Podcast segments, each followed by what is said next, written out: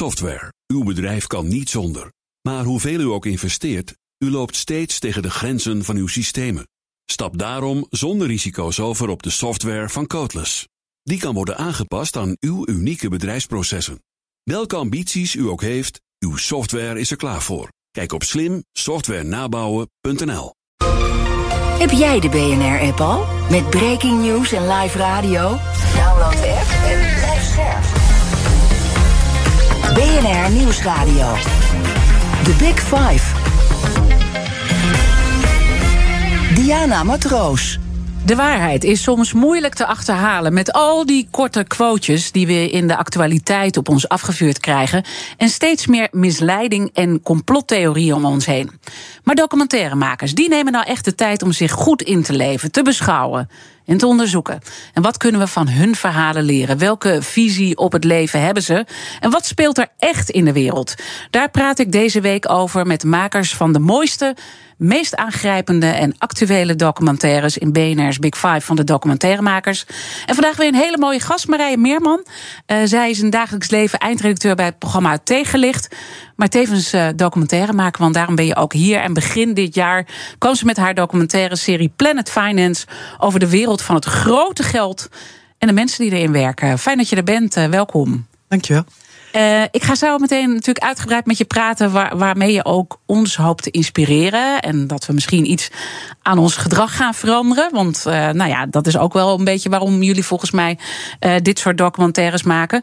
maar voordat ik dat ga doen, wil ik twee dingen van je weten. En het eerste is: is er nou een opmerking die je nooit zult vergeten van de mensen die je bent tegengekomen in die serie Planet Finance, waarvan je denkt, ja, die kwam echt even binnen bij mij? Ja, ik denk van Bob Iacchino. Hij stond op de vloer uh, op de beurs van Chicago. En um, ik, ik, vroeg er eigenlijk niet naar. Of ik vroeg eigenlijk van wat was. Het was eigenlijk een hele open vraag. Van wat was nou de, um, het moment in je leven dat, ja, dat het allerbest voor jou ging. Dat je de, de grootste klapper maakte. En toen zei hij 9-11. Dat was het moment dat ja, ik echt helemaal binnen ben gelopen. En I hate it. Ja, waarom? Wat, is dan, wat gebeurt er dan met jou? Ja, ik, eerst was ik natuurlijk ook uh, verbaasd. Of tenminste, uh -huh. ik had. Ik, dat, dat 9-11 was natuurlijk voor iedereen zo'n ontzettend grote, impactvolle gebeurtenis. Um, en was eigenlijk ook een. Uh, een, een, heel vroeg zaadje wat uh, voor het maken van de serie Planet Finance uh, gelegd werd. Omdat ik hoorde van een uh, vrouw die woonde op Manhattan, die kende ik. En um, op het moment. Ik hoorde niet lang na 9-11 dat op het moment dat de vliegtuigen de torens van World Trade Center invlogen, um, dat zij direct um, haar aandelenportefeuille in de oorlogsindustrie had uitgebreid. En dat vond ik zo'n ongelofelijke opmerking. Of voor mij zo. Ik had destijds uh, zes weken geplakt gezeten. Uh, ik had net uh, verlof omdat mijn kind naar de kleuterschool ging. Mm -hmm. Dus ik heb zes weken geplakt gezeten aan mijn computer. Ik wilde alles weten. Het was voor mij een hele ja, grote impactvolle gebeurtenis. Ik wilde alles begrijpen. Ja, je bent natuurlijk ook journalist, dus je wil gewoon begrijpen hoe wat het in elkaar is, ja, zit. Wat, waar, waarom willen die mensen dat? Waar komen die mensen vandaan die zoiets doen? Hoe kan het dat ze niet opgemerkt werden? En iemand anders die denkt gewoon van... oké, okay, nou, dit is het moment om een... Uh... Om geld te verdienen. Ja. En, en je kan op dat soort momenten ook heel veel geld verdienen. Natuurlijk. Ja, en, en dat, dat was voor mij ook een soort denken van... oké, okay, er zijn dus twee soorten mensen. en jij bent van Planet Earth, hè? Ik ben dat van is Planet beetje, Earth, ja. ja. ja en, en, uh, en hij bevestigde dat. En dat, dat, dat was, daar was ik eigenlijk niet naar op zoek. Maar mm -hmm. dat kwam dan zo opeens. En dat, ja, dat, dat zijn dan een soort cadeaus ja. die je als maker krijgt. Ja, maar ook een, een, opmerking die gewoon bij je blijft. Het is denk ik ook een, een wereld met een taal op zich. Hè? Net zoals dat wij als journalisten taal hebben met elkaar... en interesses hebben met elkaar. Heb je dat in die wereld ook? Is er ook een woord waarvan je zegt... ik heb een nieuw woord geleerd door drieënhalf jaar in die wereld te duiken? Alpha. Alpha. Ja, het gaat ja. dan heel vaak over... ja, alpha, making alpha, alpha. En ik dacht, heet het alfa, alfa. Al, ik, ik, ben alfa opgeleid. Je hebt ook mensen die zijn beta opgeleid. Maar dat je gewoon niet snapt dat het winst is. Dat het geld verdienen is.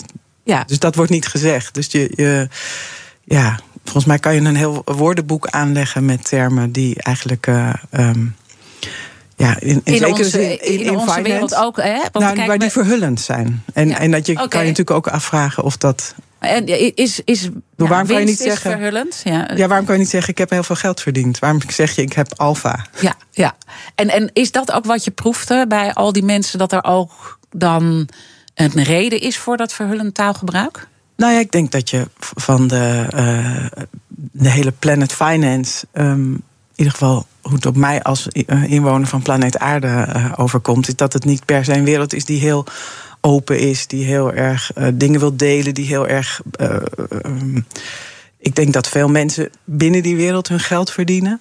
ehm, op basis van het feit dat zij een iets hebben, een product, ehm, jou iets willen verkopen, wat voor financieel product dat ook is. Ehm, je hebt misschien geld over en je wilt het beleggen. Ehm, en ja, zij doen dat op een manier die ze niet per se helemaal eh, voor jou per se inzichtelijk eh, altijd is. Dus ik denk ja, dat. denk een- je dat dat heel bewust is? Ja, ik denk het wel, want dat is een, ook deels een businessmodel. Ja, en ik vind het eh, fascinerend dat je dat zegt, want dat gaat eigenlijk uit ook van iets slechts. Hè? Eh, terwijl, ehm, ja, je kan van alles van het kapitalisme vinden. Ik heb hier ook een Big Five gemaakt over, het kapitalisme, ook kritisch eh, daarin gegaan. Maar het kapitalisme brengt natuurlijk ook heel veel moois voort. Het is ook waardoor we een succesvol land zijn, ook op. ik zeg vooral niet dat we dat op alle fronten zijn, maar. Zie jij ook goede kanten? Heb je ook goede kanten kunnen zien aan die financiële wereld? Nou ja, ik denk, wat er goed aan is, denk ik, is dat je risico deelt. En dat je eh, op een eerder moment eh, dan dat je al het kapitaal echt bij elkaar zou moeten krijgen. ehm, om een investering te doen of om je bedrijf te ontwikkelen. Dat je eigenlijk ja, vooruit kan lopen doordat er een eh, Planet Finance bestaat. Dus het, het, ik denk het, ja, het versnelt in die zin economische groei. Ja.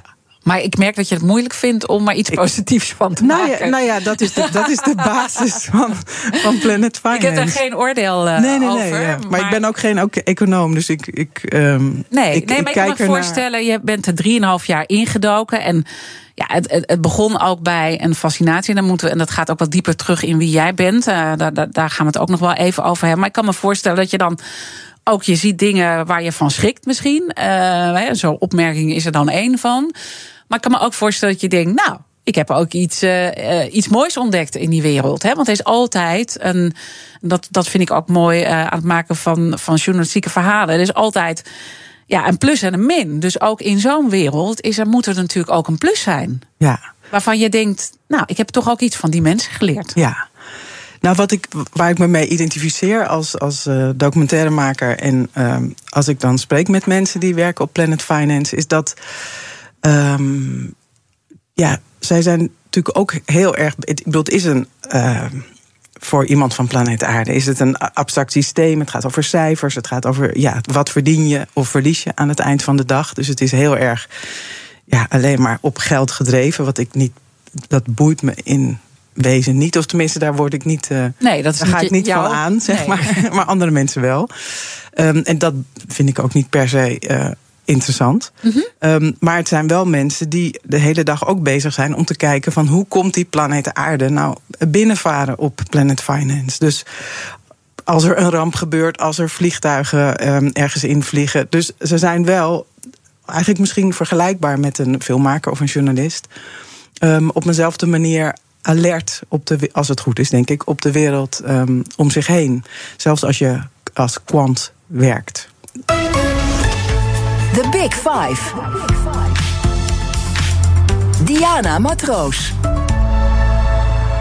Mijn gast is documentairemaker Marije Meerman. En begin dit jaar kwam ze met de documentaire serie Planet Finance over de financiële wereld. Het is een, een zevendelige eh, eh, serie en eh, iedereen kan het terugkijken. Zes, moet ik zeggen, even correctie. En je hebt meerdere verhalen ook over deze wereld gemaakt. En natuurlijk ook vanuit tegenlicht. Kijk je altijd heel erg kritisch naar de samenleving.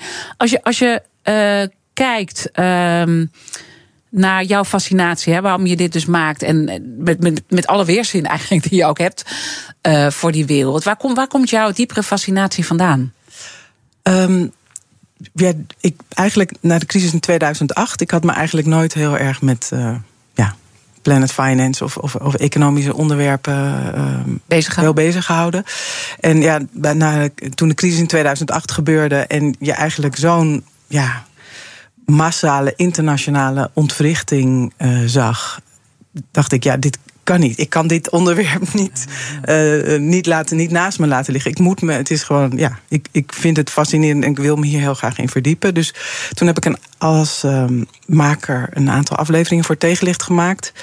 Um, en ik stuitte al snel ook op het onderwerp van automatisering van de financiële markten. Dus de high frequency trading industrie. Ik heb een reconstructie gemaakt van de flash crash. Dat was een moment dat alle computers, uh, waarschijnlijk de computers, uh, de Amerikaanse markten in een paar minuten 7% naar beneden drukte. Die ben ik gaan reconstrueren.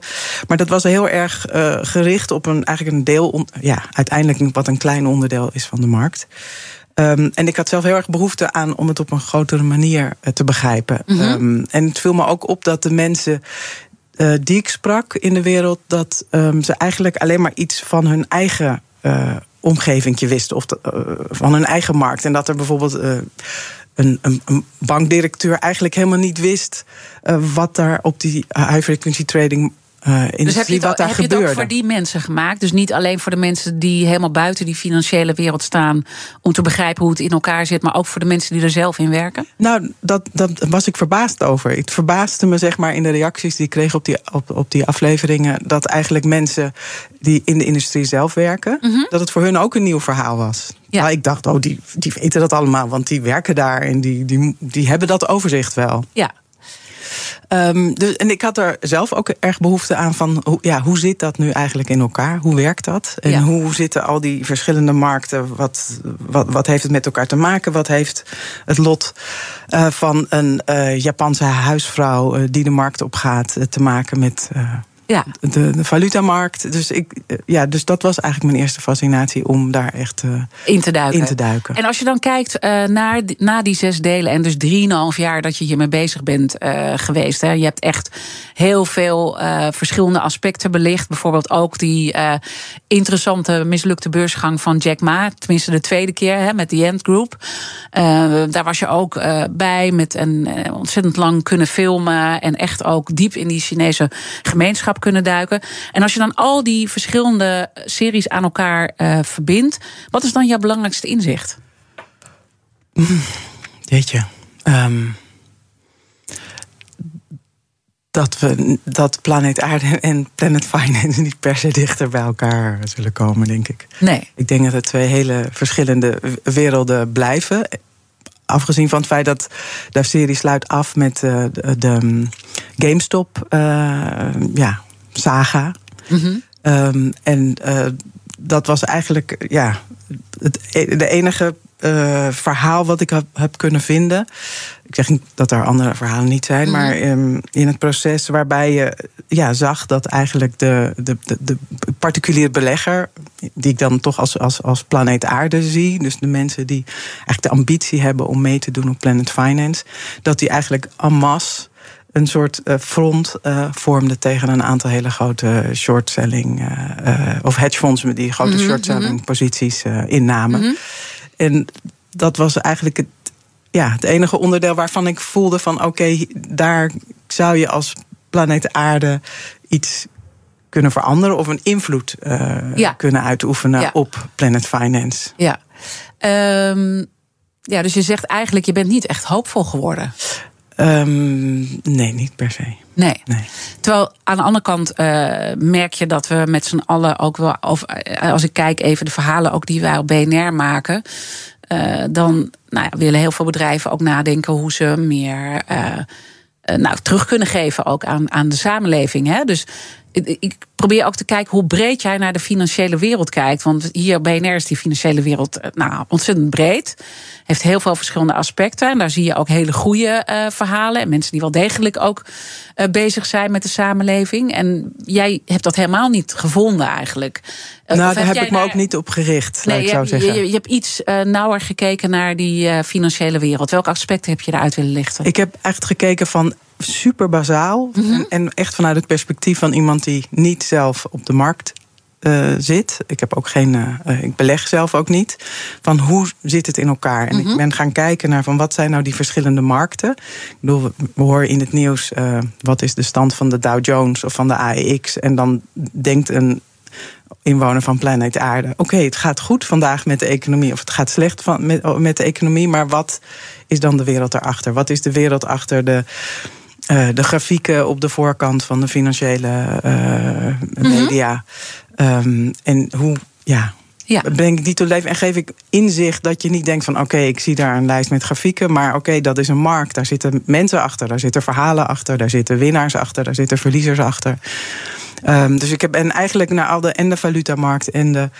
Um, de obligatiemarkt, de aandelenmarkt. Dus ik heb eigenlijk op die verschillende markten ben ik op zoek gegaan naar um, uh, ja, verhalen, hele impactvolle gebeurtenissen die op zo'n markt uh, plaatsvonden. En ben vervolgens uh, mensen gaan zoeken die daar aan verbonden waren aan zo'n gebeurtenis. En dat ben ik ja. ja. in beeld En je hebt ook researchers erbij betrokken die wel degelijk uit die ja, zeker. Nee, we hebben een heel team komen, van researchers. Dus dat het niet een soort naïeve...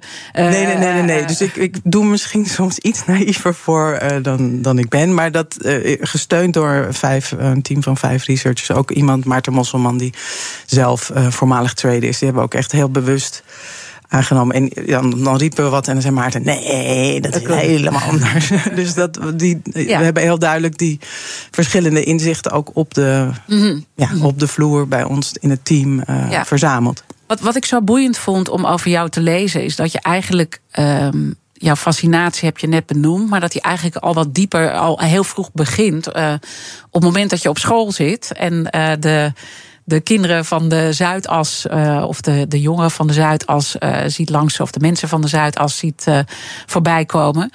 En, en dan voel je ook al die afstand eigenlijk die je nu ook in je serie um, hebt gevoeld. En je legt dan ook uit van deze mensen hebben invloed op mijn leven.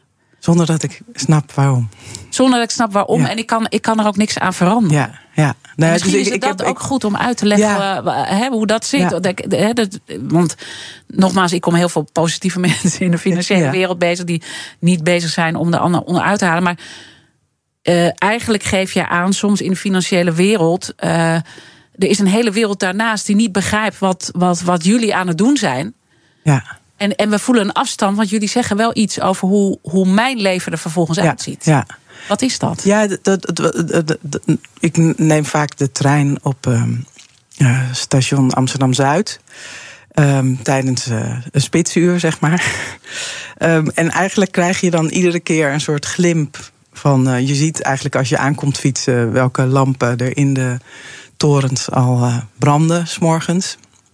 Of nog branden s'avonds als je thuis komt. Ehm, en je, ja, je, je ziet welke mensen uit de trein komen, welke mensen er s'avonds weer in gaan, uh, hoe ze op de terrassen uh, mm -hmm. staan. En je, ja, je kijkt eigenlijk naar een soort, ja, toch een soort biotoop. Um, zou het niet net zo'n biotoop zijn als dat ze naar jou zouden kijken? Ja, natuurlijk, natuurlijk, ja. absoluut. ja. ja. Ja, alleen zijn, zijn geen filmmakers.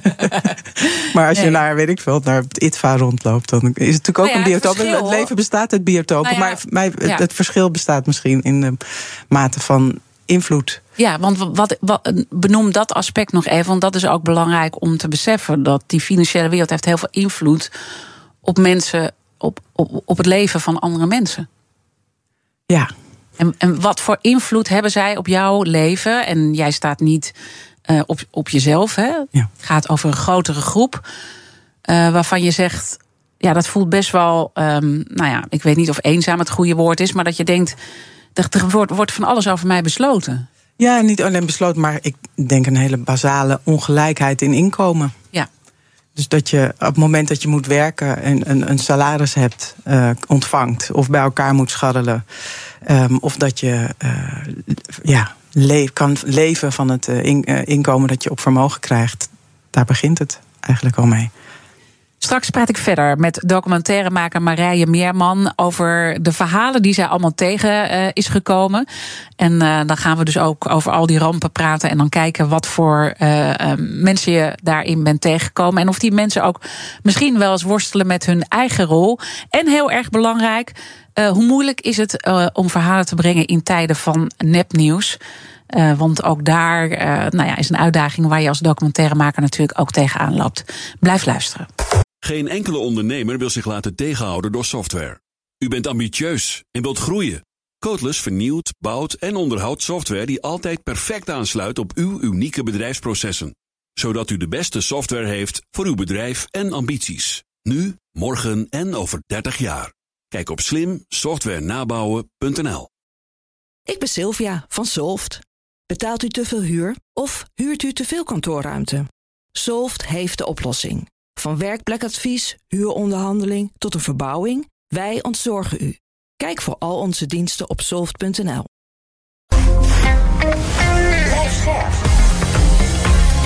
BNR Nieuwsradio. The Big Five. Diana Matroos. Welkom bij Tweede Half Uur. Deze week praat ik met vijf prominente documentairemakers over hun werk en de drijfveren daarachter. Gisteren sprak ik al met documentairemaker Jessica Gorter over haar film die vandaag in de Nederlandse bioscopen in première gaat. De Dimitriev-affaire over Yuri Dimitriev, die de slachtoffers van het Stalin-regime probeert te vinden in de massagraven en intussen zelf in de cel zit. Het is een verhaal over Russische onderdrukking en hoe ver dat gaat. Dit gesprek is al terug te luisteren via de BNR-app. Mijn gast vandaag is documentairemaker Marije Meerman. En Marije, komend half uur wil ik uh, nog twee onderwerpen met je bespreken. Of het nou uh, lastiger is geworden om in tijden van nepnieuws, desinformatie, documentaires uh, te maken. En ook nog met de komst van AI, die daar ook nog een sausje aan toevoegt. En daar maak jij ook voor tegenlicht een, een mooie serie over. En toch meer die financiële wereld uh, begrijpen. Die Planet Finance documentaire die je hebt gemaakt. En vooral ook de mensen daarachter uh, die je hebt uh, ontmoet. Laten we daarmee beginnen. want je vertelde al, je hebt verschillende markten in kaart gebracht. De aandelenmarkt, valutamarkt, futures, obligaties. En je hebt steeds een, een, een situatie ook gepakt, een soort nou ja, heftige gebeurtenis. En van daaruit ben je gaan bevragen. Kan je zo'n voorbeeld geven van zo'n moeilijke gebeurtenis? En was, was het ook moeilijk om die mensen te krijgen? Um, nou ja, één ging over de aandelenmarkt. En um, uh, ja, wij zagen dat uh, de beursgang van Ant Group, de, ja, een zusteronderneming van Alibaba, het Chinese Alibaba. Um, zou gaan plaatsvinden. En Alibaba was ooit op Wall Street naar de beurs gegaan, zoals veel andere grote Chinese techbedrijven. En hadden daar heel goed gedaan, heel veel geld opgehaald. Um, en Ant Group, uh, wat uh, eigenlijk een betaal-app uh, is, maar niet alleen een betaal-app, ook een beleggingsapp. Je kan ook je verzekering mm -hmm. daarbij afsluiten. Je kan leningen via die app um, afsluiten. Ja. Dus eigenlijk iets waar ieder westers tech of financieel bedrijf zijn vingers bij zou aflikken. Ja, we hebben het veel op deze zender ook erover gehad. Want we zijn natuurlijk een financieel-economische zender. Ja. En ja, het, het mislukte verhaal eigenlijk van Jack Ma. Ja, ja dus, en hij wilde heel graag. En hij ging dat dus dus in, uh, uh, in Shanghai en in Hongkong simultaan naar de beurs brengen. Dus we dachten van nou, de grootste ter wereld wordt dat, daar moeten we bij zijn. Dus we hadden een team. Mm -hmm. Het was net COVID geworden, dus we konden niet. Uh, dus we hebben een twee teams op afstand. één in Hongkong en één in uh, Shanghai gevonden. En uh, die gingen voor ons uh, eigenlijk die, die aanloop naar die grote beursgang volgen. Um, dus die moest je aansturen. Dat is lijkt me heel moeilijk als documentaire, want je wil er zelf bij zijn. Absoluut, dus ja. heel ingewikkeld, maar ook heel erg leuk. ik bedoel, heeft, heeft voor- en, en nadelen. Um, maar goed, we hadden die twee teams en we, we, wilden ook laten zien van hoe gaat dat nou, de aanloop naar zo'n beursgang, wat is daarvoor mm -hmm. nodig, wat is een roadshow, uh, hoe, hoe verzamel je die interesse, hoe wordt nou uiteindelijk zo'n prijs bepaald, van wat is een aandeel waard eigenlijk, wie, ja. en wie bepaalt dat. Dus daar wilden we echt helemaal op inzoomen. Um, en um, ja, toen uh, uh, werd de twee dagen voor de beursgang werd hij opeens afgeblazen. Letterlijk op het moment dat onze lokale researcher in Shanghai met de medewerker van Ant Group aan tafel zat. Want we hadden zelfs toegang gekregen tot de beurs van Shanghai. om bij die beursgang op de vloer aanwezig te zijn. Wat echt heel bijzonder is als buitenlandse media. Want het is steeds moeilijker om als buitenlandse media in China überhaupt te kunnen mm -hmm. werken. Mm -hmm. Dus we, hadden, ze zaten helemaal eerste rang en toen uh, ging hij niet door. Ja. Dus ja, dus wij waren helemaal eerst in zak en as. Maar aan de andere kant was het natuurlijk ook een cadeau. Een totaal cadeau als documentairemaker. Want A, waren we erbij. En konden we erbij zijn door COVID eigenlijk. Want anders was ik er misschien. Of nou, dan was ik er waarschijnlijk wel geweest. Maar dan, dan had ik er niet kunnen blijven. Want dan had ik natuurlijk weer terug moeten. Maar we hadden daar twee ploegen, dus we waren erbij. En we konden eigenlijk laten zien wat de impact was van het feit dat die beursgang afgeblazen werd door de Chinese overheid. En zo zie je maar dat ook, uh, nou ja, dan voor, voor, voor ons als journalisten ook slecht nieuws een cadeau kan zijn. Ik bedoel, dat is dan ook wel de eerlijke... Onze bubbel. Oh, ja. Onze bubbel. Uh, dat je dan denkt, ja, dat geeft een mooie wending aan mijn verhaal natuurlijk. Ja, ja. Terwijl dus een heleboel mensen zich daar natuurlijk op dat moment uh, enorme zorgen over maakten. Of omdat ze dus leningen hadden afgesloten om exact. Uh, zich in te schrijven voor die beursgang. Of, de een zijn dood is een ander zijn brood. Ook in dit geval, ja. ja. Maar, maar als je dan kijkt hoe dat verhaal zich ontspint op dat moment... in China. Wat, wat, wat, wat, wat raakte jou in die verhalen? Wat, wat... Um, nou, op, op zeg maar uh, geopolitiek niveau vond ik natuurlijk mateloos interessant dat China um, ja, eigenlijk de brutaliteit had uh, om dat te doen. Of de, oh, Beijing uh, de brutaliteit had om dat te doen.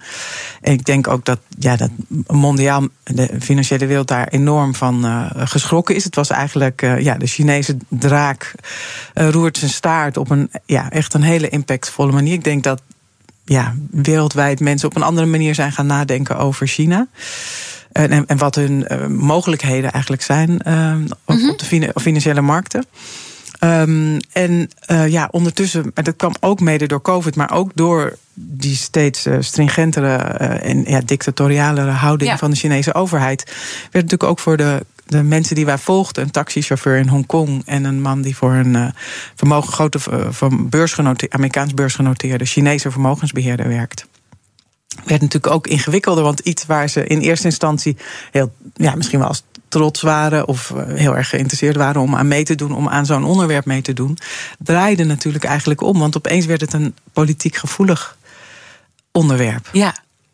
En um, dus dat was voor ons, voor mij als maker ja, ja, en het team, was het ook, ook was heel mooi, maar ook ingewikkeld. Want uh, je brengt eigenlijk op dat moment je karakters komen ja, door de geschiedenis, door de ontwikkelingen, ja. komen in een andere positie terecht. En, um, en wordt het ook gevaarlijk voor ze? Kan het ook mogelijk gevaarlijk voor ze zijn? Ja, ja, dat merk ik bij jullie allemaal eigenlijk uh, deze week. Dat dat elke keer de afweging is. Hè? Dat je dus ook uh, door die verhalen naar buiten te brengen ook weer mensen in uh, gevaar brengt. Wat je ook heel duidelijk zag bij die taxichauffeur, is dat hij die man wilde heel graag een goed pensioen. En dat is natuurlijk wat we allemaal willen. Waar we ook vandaan komen. Je wil gewoon een mooi leven. En um, hij kon het gewoon uh, niet bij elkaar verdienen. En ook door COVID was zijn inkomen enorm achteruit gegaan. Hè? Ik geloof van. 30% minder inkomen. 30% ja, dus, minder inkomen. En toen ging hij dus heel veel geld lenen om eigenlijk te kunnen investeren in, dat, in, in, in die beursgang. Nou, hij heeft volgens mij wel al zijn geld teruggekregen. Uiteindelijk heeft Ant Group heel ruim. Um, um, maar hij heeft wel een tijd in de zak en as gezeten. Omdat hij echt dacht dat hij. Uh, hij had daar de, de, hele dure. Ik geloof dat hetzelfde letterlijk de, de, de rente. Voet, uh, of de rente enorm schommelt voor een beursgang in Hongkong. Omdat daar, ik geloof, één op de vijf Hongkongnezen doet mee aan een mm -hmm. beursgang. En uh, gaat allemaal van tevoren geld lenen. En um, ja, dat beïnvloedt letterlijk ja. de rentestand. En, en wil je uh, ook ons inspireren, of misschien de particuliere belegger inspireren van. Pas op wat je doet uh, met je geld. Want mensen denken dat ze gewoon ook voor dat grote geld kunnen gaan. Maar er zit heel veel heel groot verlies bij. Ja, nou ja, ik denk dat door um, ja, in wezen de democratisering en het feit met al die beleggingsapps en het feit dat het gratis, tussen aanhalingstekens, is om via die beleggingsapps uh, de markt op te gaan. Dat ja, krijg toch wat in de, mensen niet per se altijd helemaal doordrongen zijn van de, ja, ook de risico's die ze lopen. Ja. En je maakt je ook zorgen over jongeren volgens mij. Ja, nou dat zag je ook tijdens COVID. Dus dat hadden, we ook niet per se van tevoren helemaal mm -hmm. zo uitgedacht. Maar ja, omdat iedereen opgesloten zat tijdens COVID en zich verveelde en misschien wat uh, geld niet uitgaf aan uh, café lattes. Uh, zeg je heel cynisch. nou ja, dat je mensen, mensen geld met over een havermelkje. Ja, met een havermelkje. Maar dacht, dat ben ik ook. Dat ben ik ook. Dit gaat over mij. ik hou van koffie met havermelk. Ja. Uh, dacht ja. van, ja, wat, ik, ik ga maar eens die markt op. Ja, ja. Dus, en, en, en eigenlijk... Um, kijk, jij hebt je echt heel erg gespitst op een, een, een bepaald deel die alleen maar gedreven wordt door geld verdienen ten koste van alles. En met de risico's uh, die daar ook uh, bij horen, of de mensen nou geld hebben of niet. Wat, wat vind je daarvan? Dat we zo gedreven worden nog door dat geld? Of in ieder geval die mensen die jij hebt gezien? Um, ja, ik vind niet per se het allerinteressantste onderwerp. En om toch, gedreven te worden door geld. En, toch, en toch verdiep je je daar dan drieënhalf ja. jaar in. En ook in andere. Hè? Dus uh, ja, ik weet niet of je een haat-liefde verhouding hebt met. Ja, misschien is dat het juist. Ja, nee, maar, maar dus, dus dat, dat, dat houdt mij dan wel bezig bij jou. Dat ik denk, waarom wil je er dan toch zo in verdiepen? Als het je eigenlijk gewoon geen moer interesseert, die mensen waar ze eigenlijk mee bezig zijn. Omdat het impactvol is voor ons allemaal. Ja. Toch, toch, toch weer toch op die invloed ja. uh, die ze hebben. En, en wat hoop je dan dat er verandert na het zien van jouw documentaire? Hmm. Um, ja, dat mensen bezinnen voor ze beginnen. Okay. Software. Uw bedrijf kan niet zonder. Maar hoeveel u ook investeert, u loopt steeds tegen de grenzen van uw systemen. Stap daarom zonder risico's over op de software van Codeless. Die kan worden aangepast aan uw unieke bedrijfsprocessen. Welke ambities u ook heeft, uw software is er klaar voor. Kijk op slimsoftwarenabouwen.nl. Ik ben Olivier van Solft. Betaalt u te veel huur of huurt u te veel kantoorruimte? Solft heeft de oplossing. Van werkplekadvies, huuronderhandeling tot de verbouwing. Wij ontzorgen u. Kijk voor al onze diensten op soft.nl. BNR Nieuwsradio. The Big Five. Diana Matroos. Je luistert naar BNR's Big Five van de documentairemakers. Eerder deze week sprak ik met Nina Jurna. Ze is correspondent in uh, Latijns-Amerika. Maar ook maakster van de zevendelige documentaire serie Van Baja tot Brooklyn. En dat is uh, vanaf morgen op NPO 2 te zien uh, bij de VPRO. Maar het gesprek wat ik er met haar over heb gehad is al terug te luisteren via bnr.nl en de bekende podcastkanalen. En wil je iets begrijpen ook van um, nou ja, herdenking slavernijverleden en excuses van de koning, wat natuurlijk uh, super actueel is op dit moment. Gaat u dat nou wel of niet doen? Maar vooral het verhaal daarachter, luister dan zeker dat gesprek terug.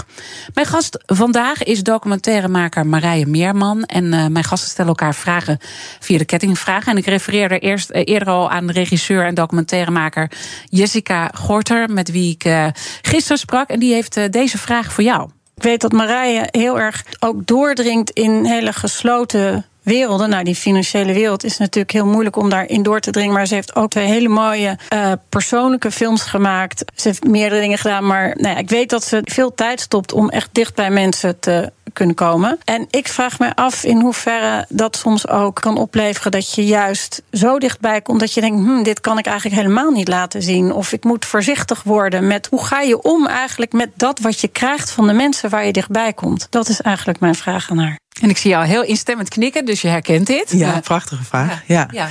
Uh, wat wel echt de essentie, denk ik, van het documentaire maken raakt. Mm -hmm. Want ja, als je um, bedenkt dat je zoiets wil, je gaat iets aan met mensen. Je vraagt eigenlijk ook aan mensen om je iets te geven. Dus dat kan alleen maar op basis van vertrouwen. Um, dus het is, ja, ik, ik, ik moet hen vertrouwen, zij moeten mij vertrouwen. Je moet elkaar iets geven. Je, je, je deelt eigenlijk ook een, uh, een intimiteit. Of dat een, een, een uh, meer zakelijke of, uh, mm -hmm. of persoonlijke is, dat maakt niet uit. Maar het, en ik denk ook dat je um, bij documentaire, zeg maar, de camera is ook onverbiddelijk. Dus ik, ik denk ik, ja, ik denk ook dat je eigenlijk die relatie tussen maker en uh, degene die voor de camera staat, dat je die ook heel goed kan zien. Ja. Zonder dat je die misschien precies kan benoemen als kijker. Mm -hmm. um, maar dat dat eigenlijk gespiegeld wordt um, naar de kijker. Dus daar ben ik me altijd heel bewust van. Ja. En daar probeer ik ook, ja. Maar kan je een voorbeeld uh, geven zonder diegene dan in discussie ja. te brengen? Want het gaat over vertrouwen. Maar uh, dat je dan iets vindt in het verhaal en dat je dan denkt, ja, dit, dit moet ik toch niet gebruiken. Terwijl het journalistiek gezien wel heel relevant is. Nou ja, om terug te komen op de aflevering over China. Dus eigenlijk doordat die Chinese overheid uh, zo uh, brusk uh, ingreep, ja, kwam eigenlijk de positie van mijn karakters, ja, werd gevoeliger. Ja. Um, dus um, eigenlijk, dat heb ik met hun afgesproken, maar dat doe ik, eigenlijk probeer ik dat altijd te doen. Als mensen zich daar ongemakkelijk over voelen, zeg ik van je mag altijd meekijken uh, wat het resultaat wordt. Want ik heb liever dat je gewoon jezelf bent. Uh, zoveel mogelijk, voor zover dat mogelijk is, um, als we aan het draaien zijn. Mm -hmm. Dan dat je nu al gaat denken: oh mijn god, ik moet me inhouden. Um, want misschien uh, zeg ik iets verkeerd. Um, want dat ga je zien. Ja. En dan wordt het krampachtig. Dus ik. Maar laat je dan ook dingen weg? Uh, nou, ik heb zeker. Dan ja. pas ik dingen aan. Want ik, ik wil het niet op mijn geweten hebben dat, uh, dat de, de, vermogensbeheerder in Shanghai uh, volgende dag zijn baan kwijt is. Ja. Dus het is een, ook een enorme verantwoordelijkheid die, die je eigenlijk ontvangt mm -hmm. als maker. Ja. Um, uiteindelijk heb je uh, in 3,5 jaar op verschillende manieren. Je hebt daar ook mensen die uit die wereld komen bij betrokken. Heb je geprobeerd die wereld uh, goed in te komen. En daar nou, een indrukwekkende serie van gemaakt. Wat in ieder geval een bepaald perspectief uh, geeft op die wereld. Was het moeilijk om die mensen uh, aan de praat te krijgen? En mensen voor, hè, dus, want dat zegt ook iets over die wereld. Vinden ze het fijn om met de pers te praten? Nee. Nee. nee, dat kan ik wel zeggen. Ja, eigenlijk. Um, ja, kan je ervan uitgaan dat iedereen die voor een groot bedrijf werkt, um, eigenlijk per definitie uh, niet wil ja. of niet kan um, uh, praten. Um, mensen die, zeker die jonger zijn, kunnen dat niet zijn. Enorm bang voor uh, mogelijke reputatieschade. We hebben wel één man die voor een Australian National Bank werkt. Die wilde wel meedoen. Maar toen dacht ik ook, ja, Australië is zo ver weg dat voelt anders. En er was ook iemand die al in een, in een later deel van zijn carrière zit. -hmm. Ook iemand uh, die voor Robeco uh, werkt. Ook iemand die in een later deel van zijn carrière zit, waarvan je dan denkt van oké, okay, die zitten er al zo lang, die hebben al zo alles. Uh, ja, ja, ja, Weet je, die, die kunnen een potje te breken, die hoeven bellen niet direct met, met de per nee, persafdeling van ik word benaderd door een journalist. Ja, um, maar kan je het ergens ook begrijpen? Want, um... Ja, wat, de, de, de reputatieschade is natuurlijk enorm. Hun vak is risico. Ze zijn de hele dag bezig met het, op wat mm -hmm. voor manier dan ook, met het berekenen van risico. En ja, dan komt er een documentairemaker langs. En dan, ja, dat is één grote uh, red alert uh, risico. Ja, maar ook gewoon de beeldvorming hè, die we hebben. Um, nou, niet alleen in Nederland, maar misschien is het in Nederland wel heel erg uh, aanwezig. En nou, dat komt misschien ook wel door de politieke leiding die we al heel lang in dit land hebben, hè, waardoor je bepaalde kloven krijgt. Maar ik hoor ook wel uit het bedrijfsleven terug. Ja, we worden altijd negatief weggezet, weet je wel. En als we dan een keer komen, dan wordt er alleen maar ingezoomd op dat uh, negatieve. Dus, dus ergens begrijp ik dat wantrouwen ja. ook wel. Ja, en zeker na 2008 denk ik dat, ja, ook al had je helemaal niets te maken met uh, giftige hypotheekproducten. Um, het was ook jouw schuld dat mm -hmm. uh, de, de, de, gehele Amerikaanse en Europese economie een enorme optater kreeg. Dus ik, ik denk dat daar ook een, een klein trauma ligt in de, in de, in, op Planet mm -hmm. Finance. Um, dus ja, we hebben heel veel moeite moeten doen om mensen uh, ervan overtuigen dat we een verhaal maakten van hoe zit het nu echt in elkaar. Mm -hmm. um, en ja, we zijn ook op zoek gegaan naar bijvoorbeeld mensen die een eigen bedrijf hebben. Of een eigen hedgefonds hebben opgezet. Dus mensen die ja, zich comfortabel ja. voelen over het feit. Of dat... hele rijke mensen die waren meer bereid om te spreken. Ja. Dat waren de leukste, begreep ja, ik. Dat zijn de leukste. ja, want die zijn gewoon een eigen baas. Ja. En, uh, en die kunnen zichzelf misschien ook een beetje op de hak nemen. Ja, en die vinden dat ook, ook leuk om uitgedaagd te worden. Of die vinden het. Uh, ja, Die, die, ja, die vinden het gewoon. Die, vinden, die zien er ook de, de, de, de grap van in, laat okay. ik het zo zeggen. Uh, dit, dit is natuurlijk een belangrijk aspect waarmee je bezig bent geweest. Maar uh, tegelijkertijd maak je ook nu een serie over AI. Hij is nu al online te zien, maar hij komt vanavond. Ja, nee, ik, ik heb een aflevering. Ik ben menumaker voor Tegenlicht. Ja. En, eindredacteur? Um, nee, voormalig eindredacteur. Nu ben ik weer aan het maken. Okay, ja. En um, ik heb net een aflevering gemaakt, dus niet een serie, uh, over de, de prijs van AI. En die gaat vanavond om half negen is die te zien op NPO 2. Maak je daar zorgen over in relatie tot die financiële wereld? Ja, nou, het, het, ik, het was natuurlijk eerst dacht ik, oh, heel ander onderwerp. AI is ook goed. Nou, zo lang ja. met finance bezig geweest zijn. Maar ja, dan, ja, dan zie je natuurlijk toch. Uh, ik ben heel benieuwd wat de impact van AI op de financiële wereld uh, wat denk je? wordt. Nou, op het moment dat je eigenlijk uh, ja, helemaal die zelflerende algoritmes, als je die opdrachten gaat geven. Um, ja, je hebt natuurlijk nu al die computers die tegen elkaar staan te traden. Maar als die dan ook zelf nog. Ja, nu wordt iets geprogrammeerd, dus volgens bepaalde parameters. Uh, een algoritme wat staat te traden. Maar op het moment dat je die zichzelf laat ontwikkelen en zijn eigen gang laat gaan. En dat ook nog binnen uh, millisecondes gaat, of uh, microsecondes. ja, ik, ik weet niet waar dat. Nee, vanuit... ik, ik, ik, las net dat ze large language models willen gaan inzetten in de financiële sector. Ik ik, ik wil er heel graag induiken. Ik, ik heb geen idee. Maar, ehm, nou, wie weet kunnen we daar dan een volgende keer uh, over verder praten. En trouwens ook de belofte van die disinformatie. Want um, die heb ik beloofd. Maar ik zit opeens, de tijd uh, is op. En je moet ook nog een belangrijke kettingvraag stellen aan de volgende gast. Want dan praat ik met Els van Driel. Ze heeft samen met Eefje Blankenvoort heeft een mind game gemaakt. Een vluchteling die zijn eigen vluchtverhaal vastlegt met zijn mobiele telefoon. En dat sluit natuurlijk ook heel erg aan nou ja, bij deze tijd waar we uh, nu in zitten. Maar wat zou je aan Els willen vragen? Ja, ik vond het een super indrukwekkende film. Ik heb uh, tranen rollen over mijn wangen gisteren. Mijn vraag aan haar zou zijn, en dan even, um, ze zijn filmmaker, um, ze zijn uh, maar ik voel ook dat ze activist zijn. Ze zijn mensenrechtenadvocaat. Ze zijn eigenlijk ook pleegmoeder voor die jongens die eigenlijk de vlucht naar Europa als een game zien. Hoe hoe breng je al die rollen bij elkaar? Het lijkt je een zware taak om dat allemaal bij elkaar te brengen. Heel, ook heel super ontroerend. Maar ook, het lijkt me voor hun best een ingewikkeld. Ik ben heel benieuwd uh, hoe ze dat doen. Ik ga het zeker vragen. En dank dat je het gast uh, wilde zijn. En uh, iedereen kan de serie gewoon uh, zelf terugkijken bij de VPRO ook. Hè? Ja.